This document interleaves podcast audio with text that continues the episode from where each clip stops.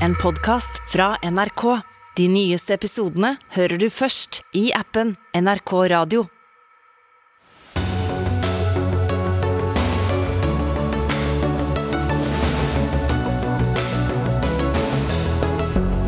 Stor dag for norsk film. I dag fikk verdens verste menneske dobbel Oscar-nominasjon. Arbeiderpartipolitiker Frode Jacobsen er svært skuffet over at langrennshelten Bjørn Dæhlie flytter til Sveits. Ingen grunn til å heve pekefingeren, mener skipsreder Herbjørn Hansson. Unge Høyre vil at Norge skal sende, selge våpen til Ukraina. Krigshissing, synes AUF. Og Jens Stoltenberg bør melde seg ut av Arbeiderpartiet når han blir sentralbanksjef, eh, sier professor. Det har ingenting å si, svarer sjeføkonom.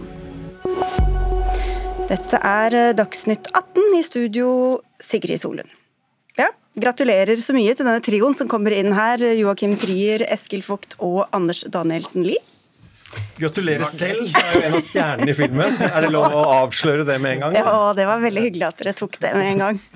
Nei, men Hvordan var det, Sigrid Solund? La meg snu bordet litt her nå. Var det gøy å være med på film, eller var det bare helt forferdelig?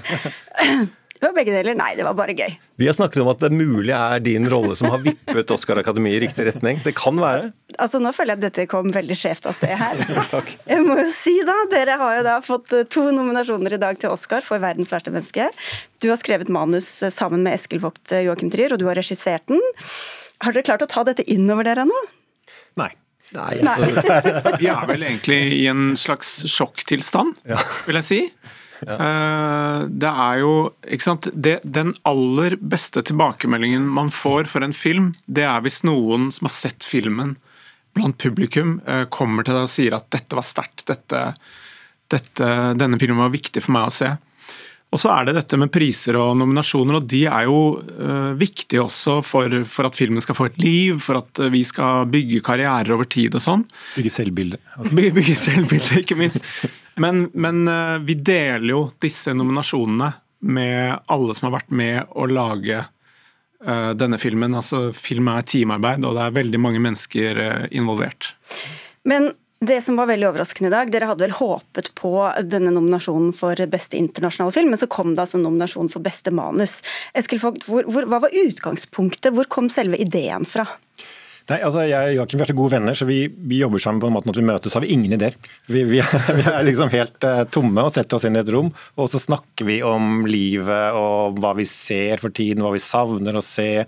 Joakim kom med den ideen om at uh, kanskje vi kan skrive noe for Renate Reinsve, og så bare begynner en film å ta form. Og det er kanskje noe man kjenner igjen i, i filmene våre, at de kan føles litt, litt sånn annerledes enn andre filmer. Eh, onde tunger vil si retningsløse, men, men at, de, at, de, kommer fra et veldig eh, personlig sted. Og at eh, vi, har, vi, finner noe vi har lyst til å snakke om og prøver å finne en, en form til det. Men å si hva, akkurat hva åpningsideen eller begynnelsen av det var, er litt vanskelig. Hva ser du, Jørgen?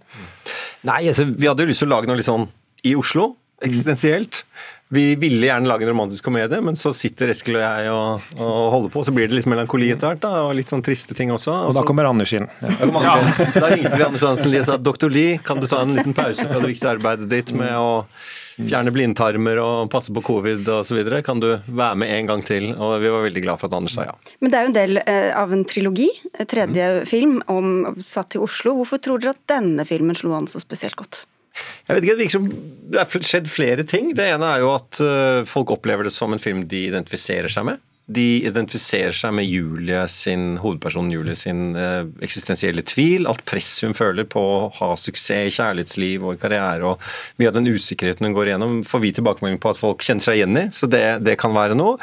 Så har vi også hatt den heldige opplevelsen midt i alt det forferdelige som har skjedd med denne pandemien, at vi fikk sluppet den på et tidspunkt i Frankrike og Norge og nå i USA hvor det faktisk er mulig å gå på kino igjen.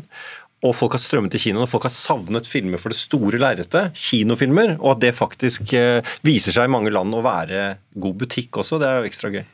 Anders Danielsen Lie, du har da spilt i flere av uh, filmene til uh, disse to herrene. Hva er det ved uh, rollene de skriver som, som, gjør det gøy eller spennende å, å spille? Ja, Det er ikke alltid så gøy for meg, da. du var veldig sur da du var her eh, sist. Det kan ja, vel røpe stemmer. i den Alle som ikke har sett filmen, jo, vil jo, når de ser det, så skjønner de at denne situasjonen blir veldig, veldig meta. ja, For det er en scene da- fra Dagsnytt 18 her hvor du var med her Ja, sammen med og da var, jeg, da var jeg sur og skulle være sur og tverr og kranglete og vanskelig. Eh, nei, hva er det som er viktig? Jeg tenker at, uh, som Joakim sier, så er dette en, en romantisk komedie, men det er veldig mye mer enn det. Det er en film om veldig sånn grunnleggende menneskelige spørsmål. Uh, den handler om jakt på identitet, å finne ut hvem man er. Hvem skal man være sammen med? Skal man få barn, og når skal man få barn? Så Det er veldig veldig grunnleggende spørsmål som tas opp i filmen. Og det, det tror jeg jo er noe av grunnen til at filmen får et liv utenlands.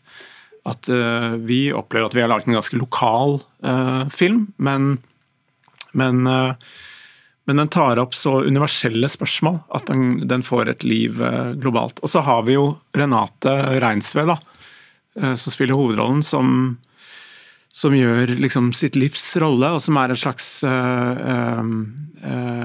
ja, som, som blir trukket fram eh, over hele verden. Jeg tror det også har vært eh, Hun har vært veldig viktig for at filmen, filmen har nådd så langt. Men den, eh, ikke tolkningen, men selve den rollen har jo også vært gjenstand for litt debatt om hun egentlig er, er det en sterk kvinnerolle, eller er hun egentlig bare en innholdsløs, passiv kvinne? Hva, hva, hva, hvordan så dere for dere dette da dere skrev det?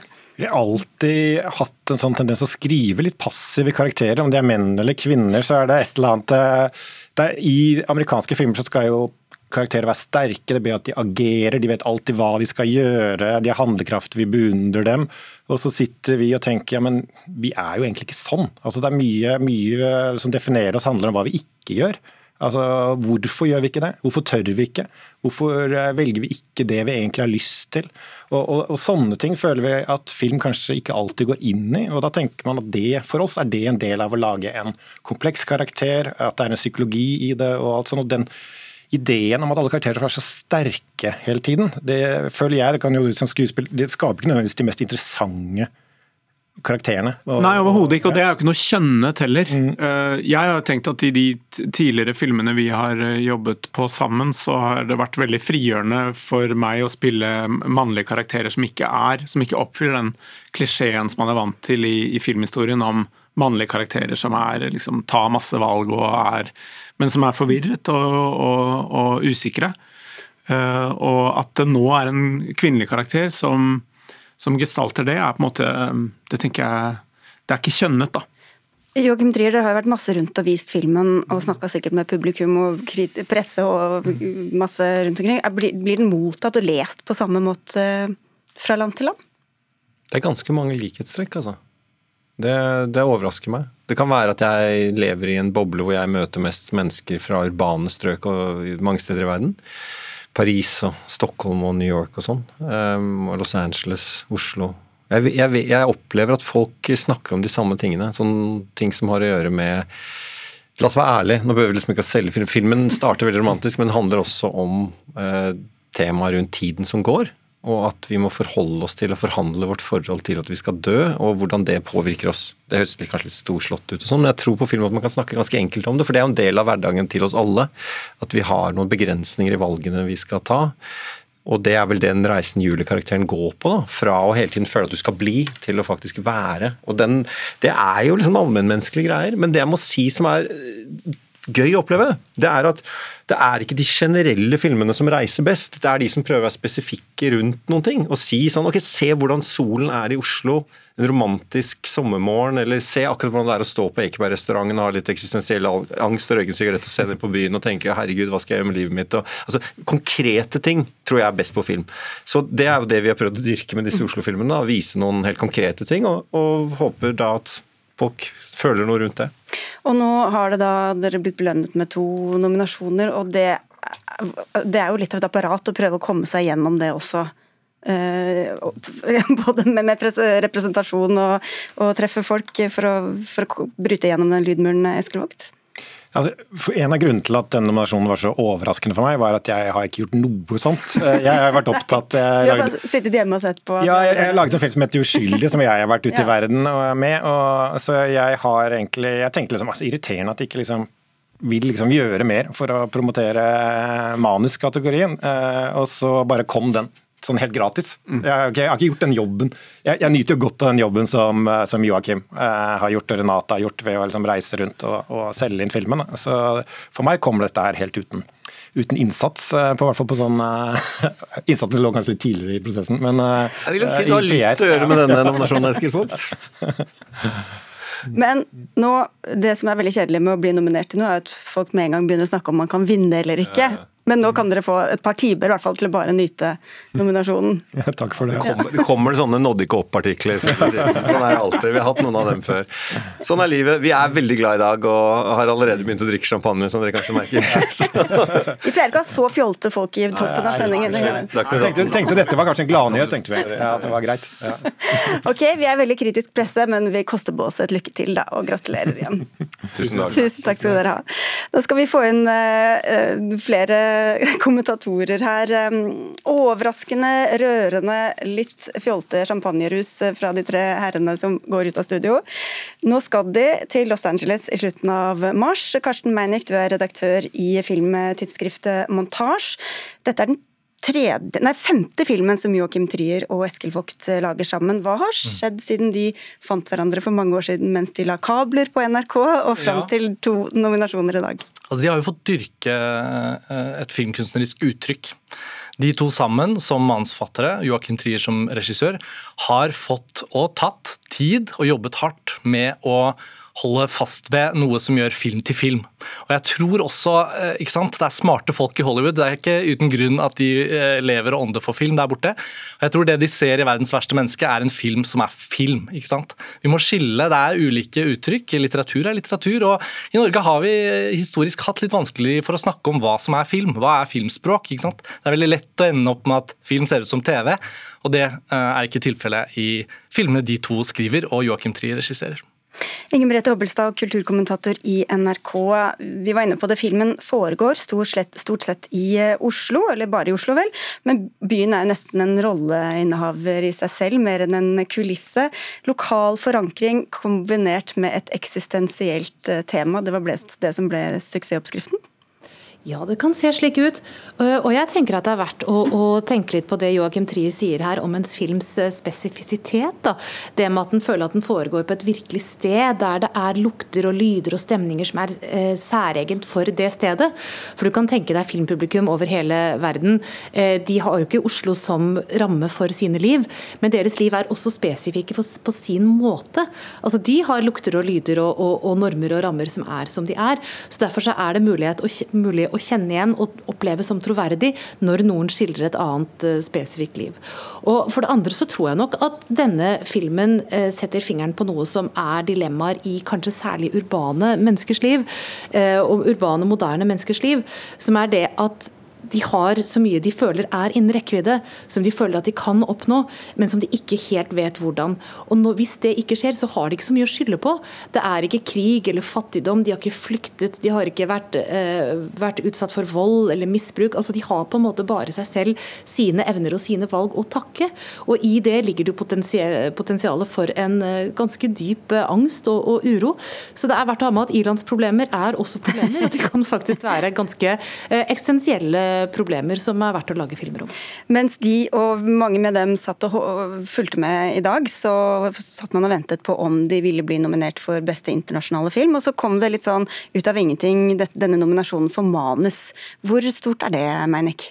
Det er eh, veldig stort. Det er helt historisk i norsk sammenheng. Altså, vi har noen Oscar-nominasjoner å se tilbake på. Dokumentarfilmer, kortfilmer, også disse spillefilmene eh, som 'Verdens verste menneske' nå føyer seg inn i rekken til. Og og det at norske filmskapere for en norsk film er nominert for beste originalmanus, da snakker vi jo også om en kategori som hyller de opprinnelige filmideene som vokser seg til et verk i seg selv, og som er verdt å trekke fram. Dette er kategorien Woody Allen pleier å vinne, dette er kategorien som Greta Gerwig og ikke sant? Det er mange uh, store filmer. Det er litt Woody Allen i, i, denne filmen også. Ja, og jeg tenker altså, det, det, er et, det er et uh, Jeg håper nordmenn er veldig stolte i dag, fordi uh, dette har skjedd organisk. ikke sant? Dette er en film som har blitt vist, men ikke et stort kampanjeapparat som har jobbet for kategorien beste originalmanus. Man jobber med internasjonal film, og man får filmen vist. Og hvis man følger med litt i sosiale medier, så er det flere store filmskapere som har uttrykt sin store kjærlighet kjærlighet til verdens verste menneske på egen hånd. Paul Thomas Anderson, regisseren av Boogie Nights Magnolia There Will Be Blood, han er nominert i dag originalmanus, Licorice Pizza. Han har skrevet at han syns 'Verdens verste menneske' er en av de beste filmene han har sett. Og Han skal lede en Q&A om filmen i Los Angeles om noen dager. ikke sant? Det er organisk, og det er noe å være veldig stolt av. På en dag hvor Norge vinner OL-gull i langrenn, og hovedsaken er norsk film. Jeg synes Det er fantastisk flott å feire. Barack Obama har vel også sagt at dette var en av hans yndlingsfilmer i fjor. Men Hobbelstad, jubelen står i taket her i studio, men hvor enstemmig har den jubelstemninga vært blant kritikere rundt omkring i, i verden? Eh, jevnt over så har jubelen vært eh, ganske stor og unison på mange forskjellige språk. Nå kan man jo tenke at filmkritikere muligens er en folkeferd som er spesielt mottagelig for denne filmen. Da, at de lever filmliv som ikke er så helt ulike eh, slik det skildres i, i, 'Verdens verste menneske'. Men det er likevel åpenbart her at dette med å ta valg i livet, ikke sant? gå inn én dør, merke at andre dører da lukker seg, at en film som tar opp denne tematikken med slik letthet og samtidig slik alvor, det har gitt gjenklang klang. Nå så jeg at det kom en eh, litt kritisk stemme i New Yorker eh, nå eh, helt på tampen her, som savnet politikk i denne filmen. Som mente at den, var, altså at den ikke tok inn over seg nesten samfunnet som omga filmen i det hele tatt, og ikke syntes at, at hovedpersonens kvaler var, var, interessante nok. Og samlet nettopp det som kanskje var altså at hennes ideer osv. Får, får mer oppmerksomhet. Jeg tenker kanskje at det er forfriskende med en film der hovedpersonen ikke har så tydelige ideer eller en klar retning retning, og at kanskje det er nettopp den følelsen som filmen forsøker å fange. Men kan hende dette er oppsparket til en ny diskusjon om verdens verste menneske. Og alt som snakkes om er jo bra, så også det er en god ting for Joakim Trier og teamet hans. Ja, jeg ville føye meg til det. altså at den kritiske diskusjonen rundt verdens verste menneske er veldig viktig. Jeg tenker Det er med på å vise at filmen har betydning, og at den setter spor, og at den holdes i live. Det er lenge siden filmen gikk på kino i Norge, sånn fort som vår tid beveger seg nå. at Nå er den ute på digitale flater, mange har sikkert ikke sett den ennå. Og det har vært interessante samtaler rundt det som Joakim og Eskil her ble spurt om tidligere, ikke sant? med den kvinnelige hovedpersonen. Og publikum er jo ikke alltid vant med det man får se, som har noe originalt, som har noe nytt og kreativt ved seg. Og Det at den reflekterer vår tid er veldig spennende. og Jeg må bare skyte inn kort at jeg fikk en e-post for to dager siden fra en amerikansk journalist som nå ville gjøre en stor sak om alle stedene i Oslo han har sett i 'Verdens verste menneske'. Vi må vite mer om hvor alle disse stedene er. Hva var Video Nova på Majorstua? ikke sant? Da blir man jo litt stolt og tenker at den strekker seg ned på spesifikt nivå i hvordan den skaper interesse. Og de samtalene, kritiske eller positive, de kommer til å holde den i live. Da får vi kanskje besøk her i Dagsnytt 18 òg, da? Det er lov å håpe. Takk skal dere ha begge to. Eh, Karsten Beinik fra Montasj og kulturkommentator i NRK Inger Merete Hobbelstad.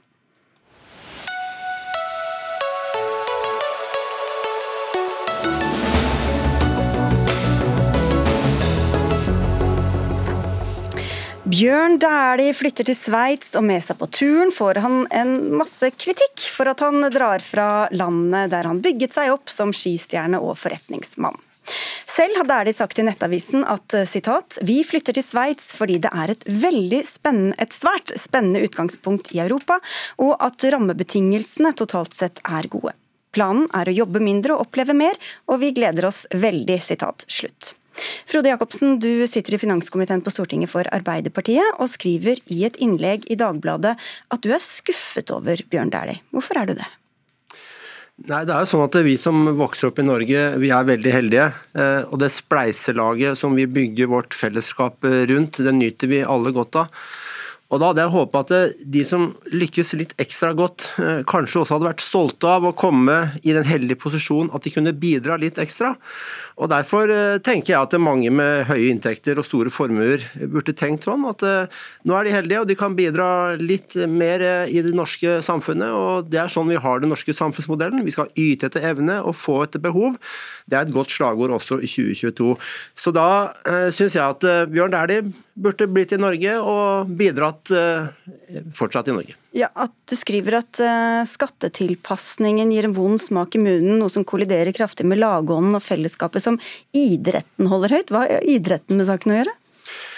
Nei, da, Jeg er like sportsinteressert som eh, veldig mange i Norge. Jeg var på Lillehammer og heia fram Bjørn Dæhlie. Jeg har stått i Holmenkollen, og jeg har stått på dugnader for fotballaget til sønnen min. Jeg har solgt uh, for korpset. Altså, det, det, fellesskapet som vi bygger frivilligheten rundt, gjør også at jeg kanskje hadde håpa litt mer. da, At Bjørn Dæhlie, som har opplevd dette, sett dette på nært hold, vært en del av det fellesskapet som norsk idrett er, også ville tenkt at ja, nå får jeg sjansen til å bidra litt ekstra. Han har bidratt, han har skapt arbeidsplasser og betalt skatt, men at han da skal flytte nå for å spare litt penger, det syns jeg er skuffende. Og det syns jeg er en ganske mild karakteristikk. Jeg ønsker at Bjørn Dæhlie skal få bo hvor han vil, enten det er på Bø eller i Sveits, eller om han hadde blitt nabo med meg på Bøler, hadde også vært kjempefint. Vi har jo invitert Bjørn Dæhlie flere ganger uten å få svar, og det var ingen fra Høyre eller Fremskrittspartiet som kunne eller ville være med hos oss i kveld. Herbjørn Hansson, du er skipsreder og forretningsmann og sier at saken er preget av pekefingre og mistenkeliggjøring. Hvordan da? Jeg har aldri fått en krone av noen noen gang. Jeg er en av, og har vært i 20 år en av Norges største private skattytere, og aldri bedt om noe. Og aldri vil jeg be om noe. Min gode venn Jon Fredriksen sier til meg du er en tullebukk som bor i Norge. Og han har rett. Jeg skrev tilbake til Jon for en måned siden og sa han har rett. Men jeg har bidratt med skatt så det holder. Og Det har jeg tenkt å fortsette med. Men vi lever i et fritt land, og mitt hovedpoeng er når ressurssterke mennesker, intellektuelt og kapitalmessig, flytter til utlandet, så, det, så, er det et tap for Norge. Min sønn bor i utlandet og har gjort det i 20 år. Men, men hvor kommer disse pekefingrene inn da, mener du? Ja, Det er politikerne, det. Helle Melle. Du ser jo hva som skjer f.eks. i Stortinget de er pekefinger. Du skal gjøre sånn, og du skal gjøre sånn, og du skal gjøre sånn. Nå vil ikke jeg eh, anklage min motdebattant her for pekefinger, men jeg vil spørre han, hvor mye skatt har du betalt formuesskatt de siste tre årene? Ja, jeg har ikke noe behov for å legge fram eh, ligninga mi her i Dagsnytt 18, men jeg tror jeg, eh, hvis jeg husker riktig, så har jeg bidratt med ca. 50 000 i formuesskatt de siste tre åra. Samlet? Ja, på tre år. 50 okay. 000. Men, det er ikke det som er relevant. Men, men, men, hvordan, Hansson, Hansson, at, ja, okay, Hansson, jeg syns at uh, du og jeg skal være stolte av å erkjenne at uh, Norge er et svært velorganisert samfunn. Og årsaken til det er jo nettopp at vi har et system hvor vi yter etter evne og får etter behov. Det gjelder meg, det gjelder deg, det gjelder Sigrid Sollund og det gjelder alle andre her i samfunnet. Og I Norge har vi såpass store utfordringer at vi trenger et ganske bredt skattesystem som gjør at vi får inntekter i fellesskapet. Det nyter du godt av. At vi har et velorganisert Norge med et sterkt fellesskap. Det er slik at dine arbeidere også vokser opp i et samfunn med og blir godt utdanna og får en god helse. Nei, men du tar helt feil. Jeg har aldri bedt om en krone fra noen, jeg. Og hadde jeg vært 20 år yngre, så hadde jeg flyttet fra Norge. Ikke fordi at på grunn av skatt, men, men av at eh, de sier om meg, tror jeg han må, må, ha lurt noe, for han er jo en velstående mann. Og, og, og, og jeg er enig med Jon Fredriksen at jeg er en tullebukk som bor i Norge. Men, men la meg det ligge, da. Ja, men da skal jeg bare høre med deg, Jacobsen. Hvordan vet du egentlig at det er de flytter for å betale, unngå å betale skatt? Nei, Jeg vet ikke hvorfor eh, Bjørn Dæhlie flytta først til Bø. Eller at noen andre gjør det for den saks skyld. Jeg registrerer at han deltar jo på sett og vis i en samfunnsdebatt når han da gjør, gjør, dette. og Da må vi også tåle at eh, vi kan diskutere dette. For det er jo sånn vi på en måte driver samfunnet vårt videre. Vi kan diskutere skattepolitikken eh, gjennom folks eh, enkelt eh, eh, Hvordan folk håndterer det for, for seg sjøl. Jeg syns det er interessant å diskutere formuesskatt, fordi jeg ønsker at det skal være lett å lykkes i Norge. Jeg ønsker å unner folk å, å, bli rike, tjene penger. Men jeg ønsker også at de skal kunne bidra til fellesskapet, fordi da det gjør Norge tryggere og bedre. Vi skal få med deg også Marie Sneve Martinussen, du er finanspolitisk talsperson og nestleder i Rødt. og Da vi tar på dere hodetelefonen, dere så hører dere den også. Da vi snakka med deg før sending, så sa du at eh, Norge ikke trenger Bjørn Dæhlie. Hvor god råd har dere egentlig i Rødt? Det er jo eh, to myter som er veldig viktige å prøve å få slått hull på. Det første er at de rike betaler veldig mye skatt. SSB kom med en rapport for et par måneder siden som konkluderer med at den 1% rikeste betaler mindre skatt per krone enn resten av oss. Og Her kommer jo prosent inn i bildet. og Det er jo interessant å høre om Herbjørn Hansson tror på prosent eller ikke.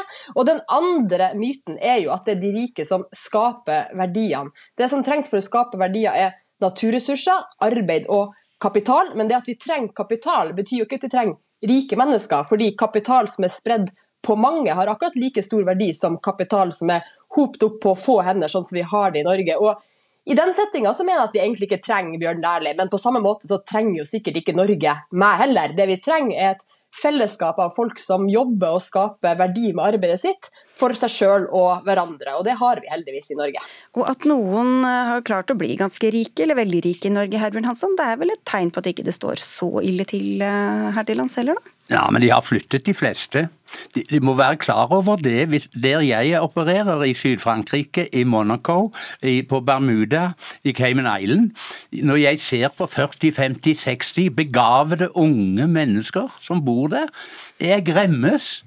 Min sønn burde jo vært i Norge, men han vil ikke. Men Dagens Næringsliv skrev i fjor høst at mellom 2009 og 2019 så hadde 175 av Norges rikeste flyttet ut, men bare drøyt halvparten som ble igjen ute. Det er jo ikke så mange det, da. Ja, men du, hvis du leser Dagens Næringsliv, de hadde én ting å si til meg, de. De skal vi ta. Oh, ja, da, så, så, de er, de er så glemmer de denne runden, da, er du snill. Ok, Martinussen, hvor konstruktivt er det å ha en sånn tone i debatten hvor man henger ut de som reiser til andre land for å eventuelt eventuelt da, betale mindre skatt eller operere bedre med bedriftene sine? Det er jo dem som er rike og har store formuer, som gang på gang truer med å flytte ut av landet. Senest i valgkampen var det en av Norges rikeste som trua med det. De gjør det som et politisk innspill i debatten om formuesskatt. De har fått kutta den skatten jevnt og trutt under en borgerlig regjering. Nå har vi heldigvis en regjering som har økt skatten litt igjen, og da er det klart at det å flytte som en kritikk av et eh, skattesystem som er med på å finansiere hele Norge, det er en politisk eh, statement da, som er helt eh, på sin plass å kritisere. Ikke minst fordi eh, det brukes jo også av både høyresidepartiene, som dessverre ikke vil stille til debatt i dag, men også andre på høyresida som et argument mot en politikk som eh, skaffer skatteinntekter til fellesskapet. Men vi trenger ikke Bjørn Dæhlie og hans like, er du enig, Frode Jacobsen?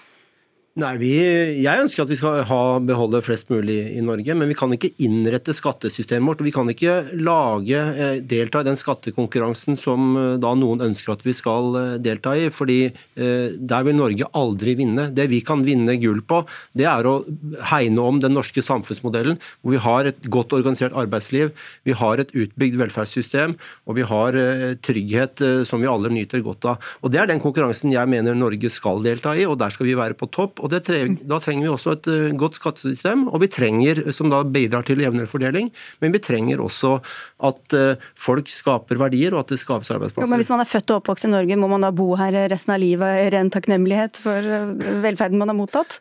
Nei, ikke av, av ren takknemlighet. Men jeg syns også at de skal være stolte av å være en del av det fellesskapet. Og jeg så hvis, hvis, folk flytter ut, så er det jo eneste sikre at de ikke betaler formuesskatt. Og hvis disse folka er for som vil, så skal de uansett ikke betale formuesskatt i Norge. Men de verdiene som Bjørn Dæhlie har skapt, antageligvis, jeg kjenner ikke helt, hele hans formue, men jeg tror det er en del eiendom og en del forretningsvirksomhet, de blir jo igjen i Norge. Det er jo hans personlige formuesskatt som da går til Sveits, mens alle arbeidstakerne og alle arbeidsplassene som man skaper verdier av, de blir i Norge, og det er det aller, aller viktigste. Mathilde Fasting, du er prosjektleder og siviløkonom i den liberale tankesmien Civita. Hva syns du om denne debatten som har oppstått i etterkant av nyheten om Bjørn Dæhlie? Eh, jeg syns for så vidt at den tegner en sånn som det har pleid å være, nemlig at det blir ganske polarisert, og at eh, det egentlig blir en debatt som eh, kommer ned i noen skyttergraver, hvor man ikke kan diskutere hva som, hva som, egentlig er årsaken til at folk flytter ut. Og jeg tar som sagt ikke stilling til Bjørn Dæhlie og hva han har tenkt og hva han gjør og hva han sier til pressen, det får være hans sak. Det er også mange andre som flytter ut og som man ikke intervjuer på samme måten som akkurat Bjørn Dæhlie, som er mer kjent. Men eh, jeg vil nok også si at det hadde vært bedre om man kunne diskutere hvorfor det skjer og hva det er med vårt skattesystem som gjør at eh, mennesker med næringsformue velger å flytte ut. Og Hva er ditt svar på det? Eh, vi vet at eh, det norske skattesystemet ligner veldig mye på de europeiske skattesystemene, heldigvis. Og det har skjedd over lang tid. Det har eh, vært ganske god harmonisering av både skattemodell, skattesystem og også skattenivåer, som f.eks. selskapsskatten, bl.a. fordi den har vært satt ned fordi det har vært satt ned ute. Det eneste som skiller oss fra andre land, bortsett fra Sveits, er formuesskatten. Og det er tydelig at den betyr så mye for noen at man velger å flytte ut. og det er også sånn at siden man har formuesskatt i Sveits litt på en helt annen måte enn i Norge, så kan man flytte dit og slippe formuesskatten fra første krone.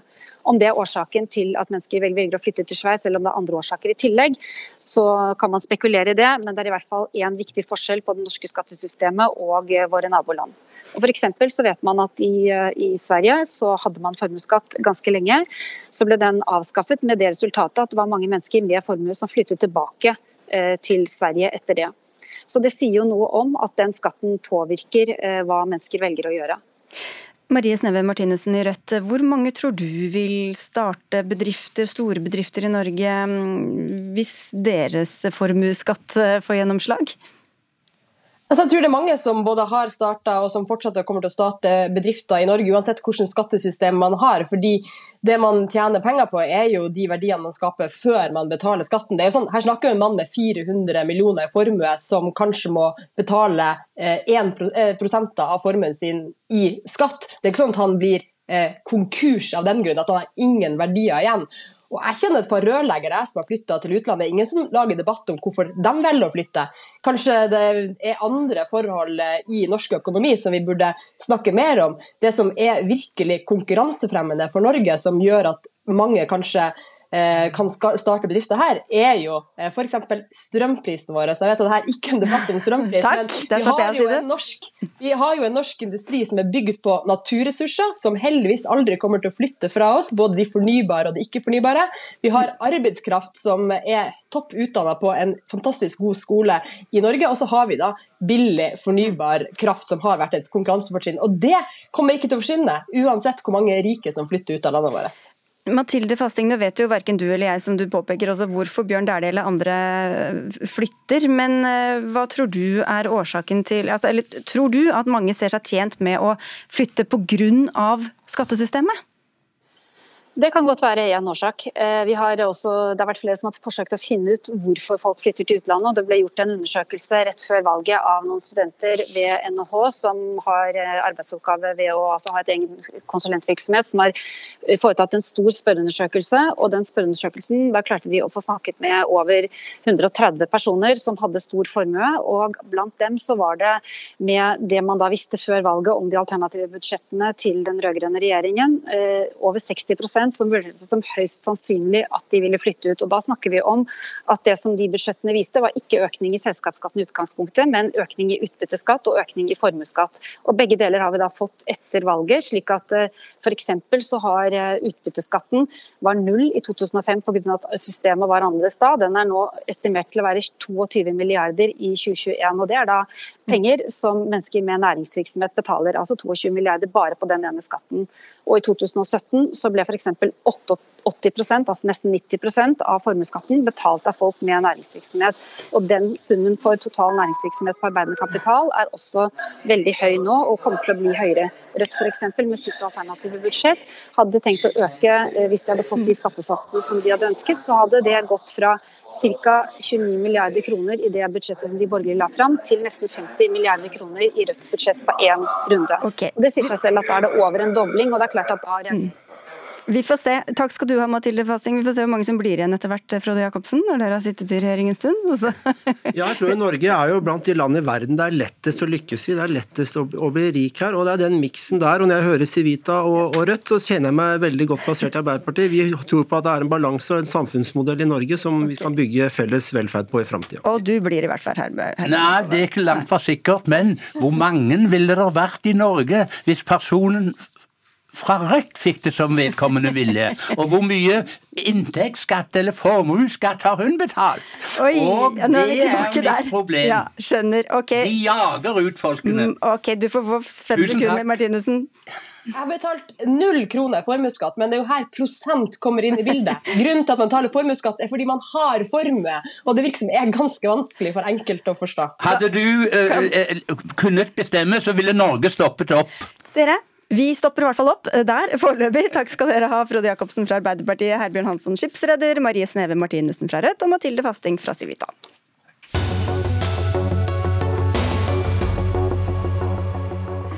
Unge Høyre vil at Norge skal selge våpen til Ukraina. Landet er preget av uro som følge av at Russland har utplassert militære styrker på grensa. Men Utenriksdepartementet har slått fast at eh, våpensalg til Ukraina er uaktuelt for Norge.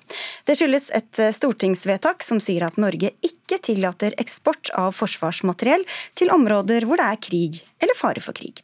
Ola Svenneby, leder av Unge Høyre, hvorfor mener dere at Norge bør eksportere våpen til Ukraina?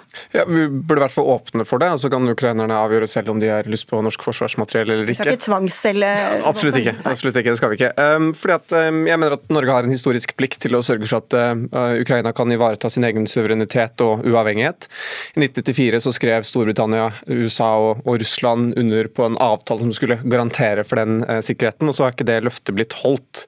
Eh, og så er jeg helt enig at vi skal drive med diplomati og at vi skal drive med humanitær bistand og økonomisk bistand, men hvis det er sånn at vi får 100 000 russiske soldater inn i Kiev, så bør ukrainere også få lov til å forsvare seg selv, om så med norske våpen. Astrid Hoem, leder av AUF. Hvis Ukraina trenger det, ber om det, hvorfor skal vi ikke selge til dem? For det første så har de jo ikke bedt om det. Men for det andre så kan jeg forstå at man nå leter etter tiltak som kan hjelpe til å bidra til Ukraina. Allikevel så mener jeg at dette er et uklokt forslag. For siden 1959 så har vi vedtatt at vi ikke skal selge våpen til land i krig, eller land som truer med krig. Og de etiske retningslinjene de er jo ikke bare laga for når det er enkelt å si nei, vi selger ikke våpen til Israel fordi vi vet at de er i en krigssituasjon med Palestina. De er også laga for når det er vanskelig, fordi Norge prinsipielt også mener at vi ikke skal tjene penger og bidra til væpning i konflikter, i krig, eller når det truer med krig. Og Da må vi også hegne om det her etiske regelverket, som det er brei enighet om på Stortinget, og som eh, man har slått fast siden 1959. Vi skal bare selge våpen til dem som ikke trenger det? Ja, altså I AUF vil vi jo gjerne stramme inn. og Vi mener jo vi selger for mye våpen i dag også, som vi ikke helt vet hvor det ender opp med. Vi vil ha sluttbrukererklæring i Nato for eksempel, som gjør at man skal vite hvor de våpnene eh, havner hen. Vi vil stramme inn over hele fjøla, men i hvert fall på det her, da, som har stått fast siden 1959, så mener jeg at vi ikke kan rikke ved de etiske retningslinjene våre. Etiske retningslinjer, Svenneby? Dersom Russland invaderer Ukraina, som ikke, altså, det er Europas, et av Europas mest folkerike land. Det er et av Europas største land, så vil det trolig være en av de største internasjonale begivenhetene som har skjedd i Europa siden 1959. Og Da mener jeg at det regelverket det er rett og slett ikke godt nok. Og så er det riktig at Ukraina ikke har bedt om våpen helt konkret, men de var senest ute forrige uke og kritiserte norske myndigheter for å ikke stille godt nok opp for, opp for dem. Og Det ukrainerne kjemper for, det er egentlig de rettighetene som vi tar for gitt. Det er retten til å bestemme over egne alliansepartnere, retten til demokrati, retten til ytringsfrihet. Så det er også sånn sett hva skal jeg si, veldig moralsk innafor. Det er etisk riktig å kunne bruke våpen dersom det er i fare for å bli invadert også. Og dersom alle andre land hadde ført den samme politikken som Norge gjør, og for øvrig også Tyskland gjør, så hadde man risikert at Ukraina ville vært helt bondefanget og helt hjelpeløst, for da ville ingen kunne selge til dem. Storbritannia gjør det allerede, eller gir våpen allerede. De baltiske landene har prøvd, men det er blitt forhindret fra Tyskland. Og da synes jeg også at Norge har en plikt til å hjelpe de landene som kjemper for de samme verdiene som vi har. Jeg deler Svenneby sin eh, frykt for at eh, Russland skal, Ukraina, skal, invadere Ukraina. Jeg mener også at vi skal stille opp for Ukraina på mange måter gjennom økonomiske sanksjoner, gjennom å legge til rette for samtaler, som Norge har gjort gjennom flere tider og ulike konflikter. Det jeg ikke mener, er at nå når det er vanskeligere å stå for det etiske regelverket, så skal vi bryte med det. Det har vært slått fast siden 1959 i Stortinget, og det er en grunn til det. at vi mener at vi ikke skal selge våpen til land som truer, eller er på vei inn i krig, eller er i krig. fordi vi vil ikke tjene penger på krigssituasjoner. Da mener jeg at det Norge må gjøre, det er det vi har vært gode på over lengre tid. Bidra med diplomati, bidra med økonomiske sanksjoner hvis det trengs, men ikke bryte med det regelverket nå, fordi det er vanskeligere å stå opp for det akkurat nå. Men etikk, eh, her står det jo to ulike etiske uh, oppveininger mot hverandre. Da. Altså, er det mer uetisk uh, å la dem forsvare seg enn å ikke gjøre det? Men hvis vi skal stille det spørsmålet, så burde vi også stilt det når vi ikke solgte våpen til Balkan, eller hvorfor vi ikke selger våpen til palestinere, som står i en ganske vanskelig situasjon overfor en okkupasjonsmakt i Israel. Det spørsmålet kan man stille hver eneste gang, og det kommer til å være krevende etiske situasjoner. Men i Norge så har Stortinget slått fast tydelig siden 1959 at vi mener at vi ikke skal selge våpen til land som er eller truer eller er på vei inn i krig, og det må vi hegne om. Og Hva skjer hvis du begynner å utvanne det regelverket da, Svenneby? Jeg tror det er svært få land som er i Norges nabolag som er i en krig fordi de har lyst til å bli allierte med oss, som har lyst til å ta del i vårt verdenssyn, i vårt hva skal jeg si, det gode selskap, som eh, står i fare for å bli invadert av um, et naboland. Altså, Ukraina er et helt ekstraordinært tilfelle, og jeg tror heller ikke vi skal undervurdere hvilke konsekvenser det vil få for Norge, for Europa og for vårt verdisett dersom eh, man får en invasjon av, Så da skal man ikke bare ta sånn, da skal man også ta rent sånn konkrete eller pragmatiske, strategiske vurderinger, da? Ja, jeg mener i hvert fall at man burde det, for det her har man helt åpenbart en uskyldig part som vil bli en alliert med oss, som er et europeisk land som risikerer å få altså en, en, en hvis det hadde vært i den andre delen av verden, så hadde det ikke vært så gode grunner for å selge dem. Ja, ja jeg, jeg tror at um, det er en erkjennelse som alle som mener om utenrikspolitikk må ha, er at uh, utenrikspolitikk så hva skal jeg si, Man bruker veldig vikarierende argumenter, og det handler også om realpolitikk og hva som er lurt for Norge. og På et eller annet tidspunkt så må vi være villige til å hva skal jeg si, vise vise hva vi, hva vi kan gi for å stå opp for de verdiene våre. Og så er jeg enig med Astrid at vi også skal bruke diplomati, men det hjelper ikke med diplomati hvis det står 40 000 soldater i, eh, russiske soldater i Kiev. Realpolitikk i HM. Jeg mener at vi skal stå last og brast med Ukraina sitt prinsipp og med at Ukraina skal velge sjøl hvilke allianser de har lyst til å være en del av. Det er det ingen tvil om, og det støtter AUF helhjertet opp om. Eh, Men det mener jeg også at vi må gjøre med å sanksjonere på andre måter. Økonomiske sanksjoner f.eks. hvis det trengs. Bruke diplomati. Jeg mener faktisk at hvis vi kan begynne å bryte med det etiske regelverket nå, som har stått fast siden 1959, så er det et spørsmål om når er det neste gang noen mener av at det er nødvendig å bryte med det regelverket. Nå har det stått fast gjennom ganske mange store historiske hendelser, der vi har vært tydelige på at i Norge så ønsker vi ikke å tjene penger på krig. Og I tillegg så har vi Riksrevisjonens rapport som kom under den forrige høyreregjeringa, som også har sagt tydelig at vi burde gjøre en del ting med regelverket vårt for å stramme inn, fordi at vi ikke vet helt hvor våre våpen blir solgt hen. Så jeg mener at istedenfor å nå si at vi skal ha en Her ville vi jo visst hvor det hadde endt, da, så det er jo en helt annen sak. Og så er Riksrevisjonens rapport er jo ikke kritikk fordi det er etisk galt, det er fordi man mener at Utenriksdepartementet ikke har vært gode nok på å følge de reglene som Stortinget har, har satt, satt selv. Så det, er, det er jo um, Jo, men, ja. men, men du hvor skal du sette grensen da, hvis du skal måte, lette litt akkurat i det, dette tilfellet? Når vil du lette neste gang, og når vil du holde igjen? For min del så, så si, er Ukraina en grense, men jeg er også villig til å se på det regelverket hvis man får flere tilfeller. Det er land som ønsker å bli demokratiske, som er demokratiske, som er si, i vårt nabolag risikerer å bli invadert av et annet land. Så har vi ikke bare et etisk ansvar for å ikke tjene penger på våpen, og hvis det er problemet, så kan vi godt gi de gratis til Ukraina for min del. Da er det etisk mer problematisk å sitte og se på at russiske soldater marsjerer inn i Kiev. Jeg mener at vi heller må stramme inn på våpenreglementet vårt. Jeg mener Allerede i dag så er det en utfordring når vi selger land til autoritære regimer for eksempel, som ikke er i krig, heller enn at vi liberaliserer det nå, fordi at det er en vanskelig situasjon. Da må vi stå opp med økonomiske sanksjoner, med diplomati, med alt det Norge vet vi kan bidra med. Og så kan vi ikke bryte med de etiske retningslinjene som har ligget fast siden 1959. Og det har dere Utenriksdepartementet med dere på, så du får ikke gehør der i gården foreløpig i hvert fall, Ola Svenneby. Takk skal du ha uansett, leder av Unge Høyre, og takk til deg, Astrid Hoem, leder av AUF.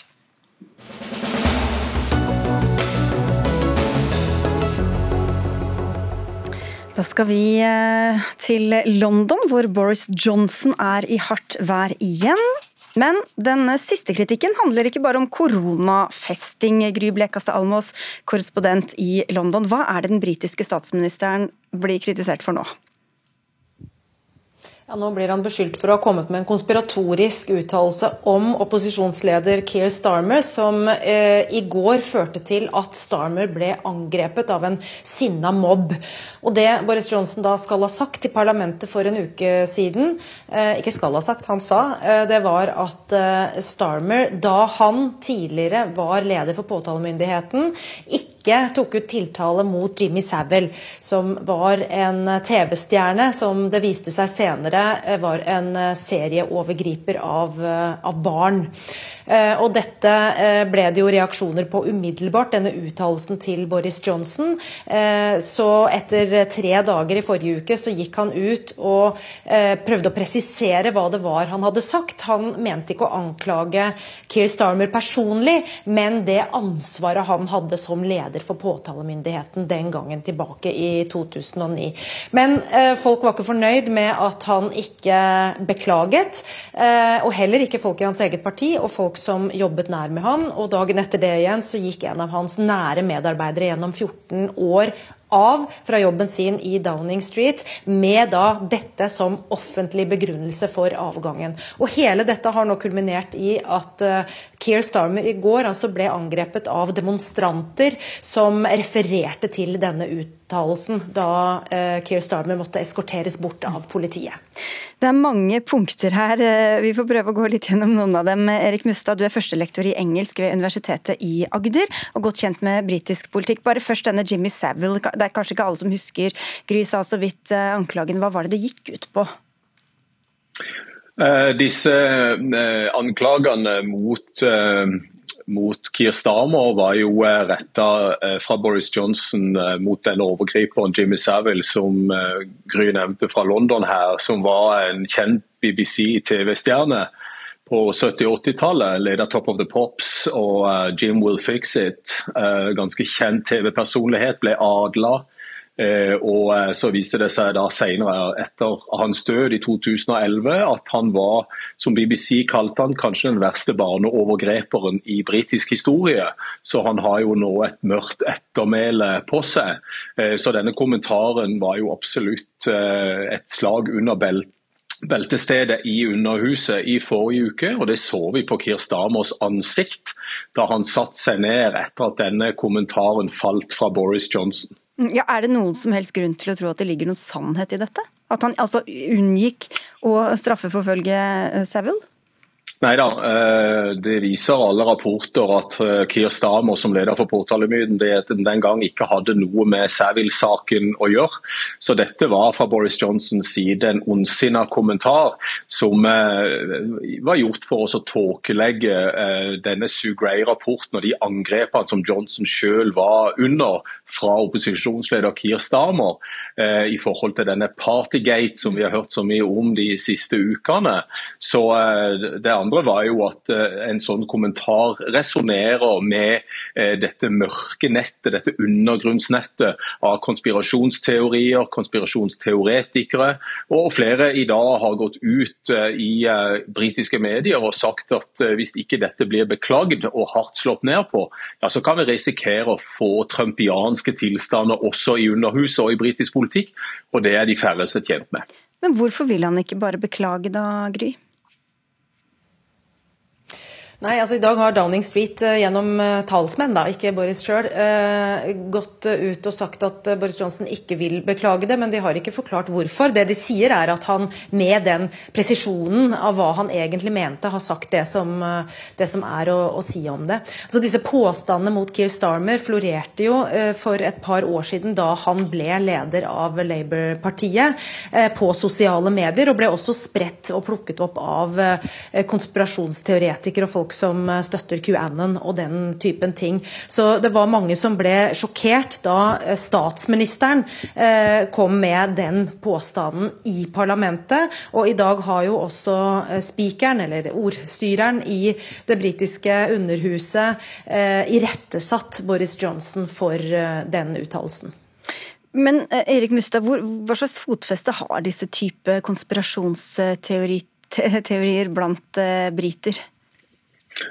Det finnes konspirasjonsteorier og teoretikere overalt som florerer på sosiale medier. Eh, det er ikke så mange som eh, støtter opp under disse teoriene i Storbritannia, skal vi tro meningsmålinger, som det er i USA.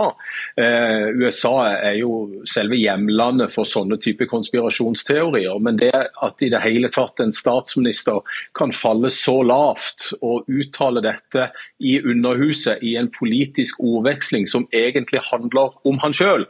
Eh, det er jo det som har fått eh, både folk i det konservative partiet, altså partimedlemmer og parlamentsmedlemmer i det konservative partiet, og likeså i de andre partiene i Underhuset, til å fordømme alt dette. Og gå ut og sagt at dette her er alvorlige anklager.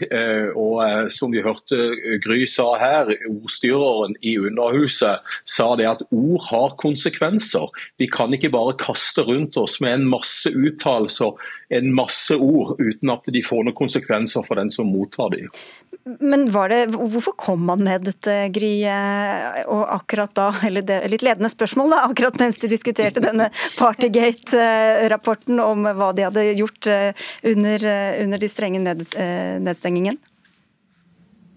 Ja, Kommentaren falt jo uh, i den debatten som fulgte at uh, rapporten ble lagt fram. Og den rapporten hadde jo knusende kritikk av Boris Johnson og hans uh, lederskap. han ble ikke nevnt ved navn, men lederskapet i Downing Street fikk knusende kritikk der. Og det er klart Han hadde jo et behov den dagen for ja, både å svare på kritikken, men også å prøve å framstå offensiv og som en som fortsatt både vil og kan lede landet.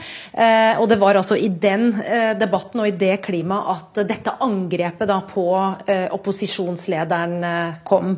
Så det, det, var vel for å prøve å vise en eller annen form for eh, offensiv styrke, eh, som ikke har falt i veldig god jord. I dagene som fulgte, altså resten av forrige uke, så var det eh, flere konservative parlamentarikere som eh, skrev sine brev hvor de ba om et mistillitsvotum mot Boris Johnson. det kan selvfølgelig både ha vært på bakgrunn av den knusende kritikken som kom i rapporten. Eh, og det kan ha vært som en reaksjon på dette som veldig mange har eh, reagert på, disse uttalelsene. Og også flere av Johnsons regjeringsmedlemmer har jo i ettertid blitt spurt om dette her, og de har jo flere av dem sagt at de ville aldri ha sagt det samme som Boris Johnson sa. Helt til slutt, Erik Mustad. Mm, Boris Johnson har tilsynelatende flere liv enn katten. Sånn rent politisk, tror du han overlever dette også? Ja, Nå har han jo overlevd frem til nå, og eh, hvis de ni livene som katten normalt har, eh, også gjelder for Boris Johnson, så, så, får vi se.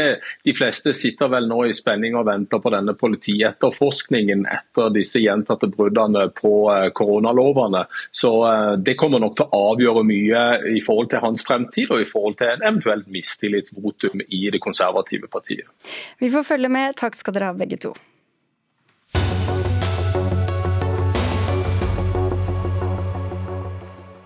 Jens Stoltenberg var tydelig på fredag da det ble klart at han får jobben som sentralbanksjef. Han skal fortsette å være medlem i Arbeiderpartiet. Men bør han det? Stortingets kontroll- og konstitusjonskomité bestemte seg i dag for å sende regjeringen 21 spørsmål om utnevnelsen av Stoltenberg, og hva som ledet opp til den. Og spørsmål og innvendinger kommer det også fra økonomhold. Du har noen kritiske bemerkninger i VG, Ola Honningdal Grytten, professor i økonomi ved Norges handelshøyskole. Hva er potensielt problemet med at Stoltenberg både er sentralbanksjef og medlem av Arbeiderpartiet?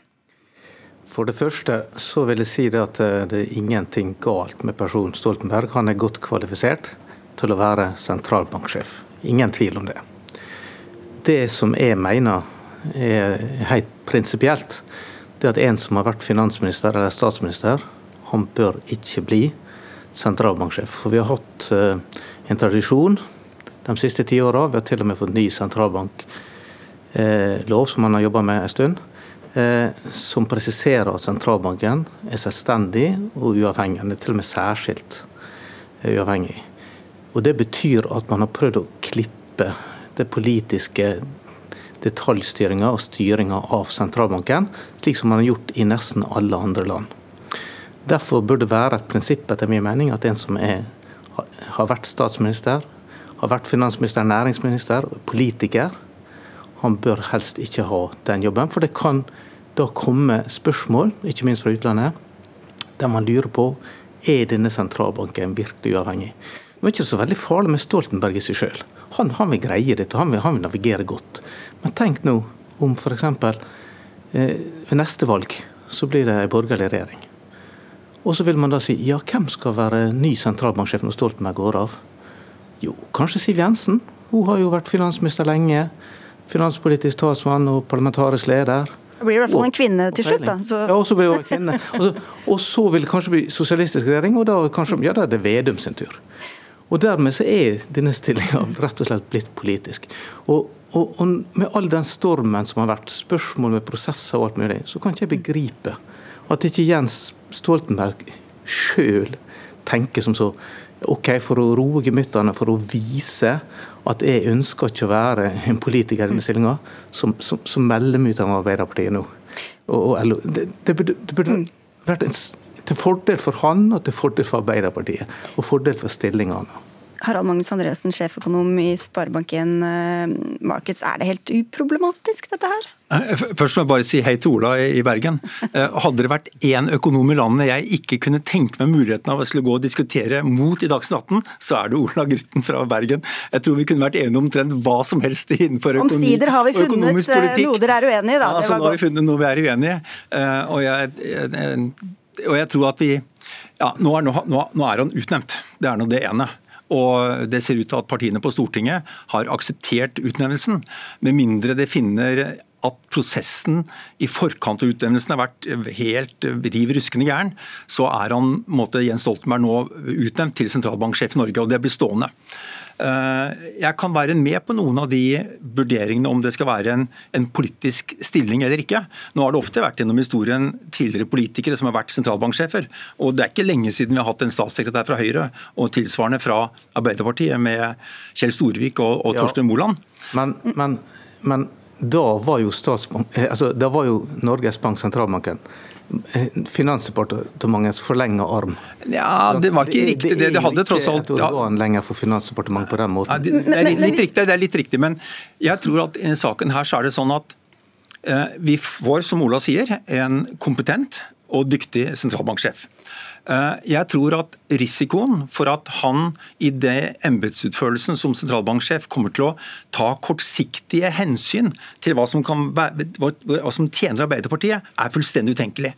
Dels er det en, stor organisasjon med fagfolk som arbeider frem beslutningene. Eh, dels har han et, eh, en pengepolitisk komité som renter og slike ting diskuteres med, og et hovedstyre for andre problemstillinger, som består av sterke fagfolk. Og Det er for meg helt utenkelig at én person kan komme inn og påvirke en beslutning som sentralbanken tar, som det er lett å assosiere til at det er verdt å ta hensyn til at Arbeiderpartiet vil tjene på det ene og andre. Og, altså, jeg, jeg, kjenner ikke Ida Wolden Bakke personlig, men jeg har møtt henne mange ganger og hørt, jeg har hørt på henne mange ganger. Hun har holdt mange gode foredrag og vært med i diskusjonene som jeg har sett på. Eh, for meg utenkelig at hun vil la seg overstyre av en sentralbanksjef. Og enda mer Øystein Børsum, mm, okay. den andre sentralbank, sentralbanksjefen, som har vært kollega med i mange år. Okay. Og tenke seg at de men, men, vi må, jo, det er viktig, her, for jo, men, men, men, bare for å spørre deg, Grytten, for du sa at nå er det, altså En ting er om han burde bli valgt eller ikke, men nå er han jo en gang valgt. Og så sier du at ja, da bør han melde seg ut av Arbeiderpartiet og LO. Hvilken rolle spiller det all den tid alle vet hvor han står politisk? Nei, jeg, jeg tenker at Da ville han gitt et signal i det minste til kritikerne. At OK, her skiller jeg prøver jeg å skille mellom, så godt som mulig mellom politikk og min jobb. Og det tror jeg han greier. Selv om han er medlem av Arbeiderpartiet. Men det har med signaler du sender. Og når du blir skutt fra alle kanter for dette her, og så bare kjører på uten å ta hensyn, så, så skjønner jeg ikke da, da, tenker jeg på en måte at da vet jo ikke mannen sitt eget beste. Jeg er ikke så god til å vurdere sånne ting selv, så jeg overlater det til Jens. Du vet ikke ditt eget beste? Jo, mitt eget, men jeg, ikke, jeg, vet ikke hva Stoltenberg vil være tjent med eller ikke tjent med i en sånn situasjon. Jeg, politikken er ikke mitt fag der. Eh, ikke mediehåndteringen heller. Men det, det, er ingen tvil om at lederen av sentralbanken eh, vil over tid kunne påvirke mye. Og, han, og Stoltenbergs eller en annen sentralbanksjef, kall det ideologiske grunnsyn, forståelse av samfunnet, vil ha påvirkning på hvordan bankens måtte, hele strukturen arbeider over tid. Eh, men det som er, og, og Da vil hans måtte, lengning, politiske legning forhåpentligvis og sannsynligvis påvirke tenkningen i banken. Eh, men det betyr ikke at han lar enkeltbeslutninger være påvirket av kortsiktige partiinteresser eh, for å oppnå spesielt for Arbeiderpartiet i en ny situasjon. Nei, så Hvis han begynner å vingle ja. i, i, i, rentesettingen eller noen andre ting, avhengig av hvem som har politisk makt, så blir han avkledd umiddelbart. Og jeg tror nesten det vil være for altså det, det er det ikke, Så vidt jeg kan fatte personen Stoltenberg, så er det utenkelig at han vil gjøre det. Og han vil bestrebe seg på å fremstå slik at han ingen kan mistenke ham. Nei, det, det, man kan tenke at Man kan heller tenke seg kanskje at han vil gjøre det motsatte, bare for å motbevise ja, Kanskje, det ville helt klart bra i for seg. Han skal gjøre det riktige. Det kan være, men, men det, det, det, er ikke snakk om at Stoltenberg ikke kommer til å gjøre en god jobb. Det er jeg helt sikker på, og jeg gratulerer med jobben. Men det er prinsipper bak. For som jeg sier, neste gang skal da, hvis det er borgerlig regjering, skal de da utnevne Siv Jensen som sentralbanksjef. Skal en så sosialistisk eller rød-grønn regjering eh, utnevne eh, Vedum eh, eller Kristin Halvorsen? Hvis, hvis, vi går inn på det, så mister vi noe av den politiske uavhengigheten som sentralbanken har fått i løpet av de siste ti åra, og som til og med er nedfelt i, i, i lovs form nå. Det er det som er saken. Og, og sammenligning med, med, med, gamle dager, det, det syns jeg er så urelevant. For da var det ikke den selvstendigheten og uavhengigheten som vi, som vi har vedtatt i dag. Jeg ser her at, eh, at, vi har kanskje laget en Lex Stoltenberg som er spesialtilpasset for ham. Jeg, jeg tror uh, det skal noe til å finne andre politikere som har kombinasjon av en god faglig, altså samfunnsøkonomisk utdannelse, eller en god økonomisk utdannelse, og samtidig har vært ganske tett involvert i utforming av altså regelverk for pengepolitikken, eh, og, har måttet et, mer tilstrekkelig kunnskap til sakskomplekset, og samtidig har en politisk bakgrunn. Vi får se om seks år hva som skjer, og så får vi si takk til dere to, Ola Honningdal Grytten og Harald Magnus Andreassen. For Dagsnytt 18 er ved veis ende. Gro Arneberg var eh, ansvarlig vaktsjef, Jens Jørgen Dammerud var tekniker. Jeg heter Sigrid Solund, og vi takker for følget.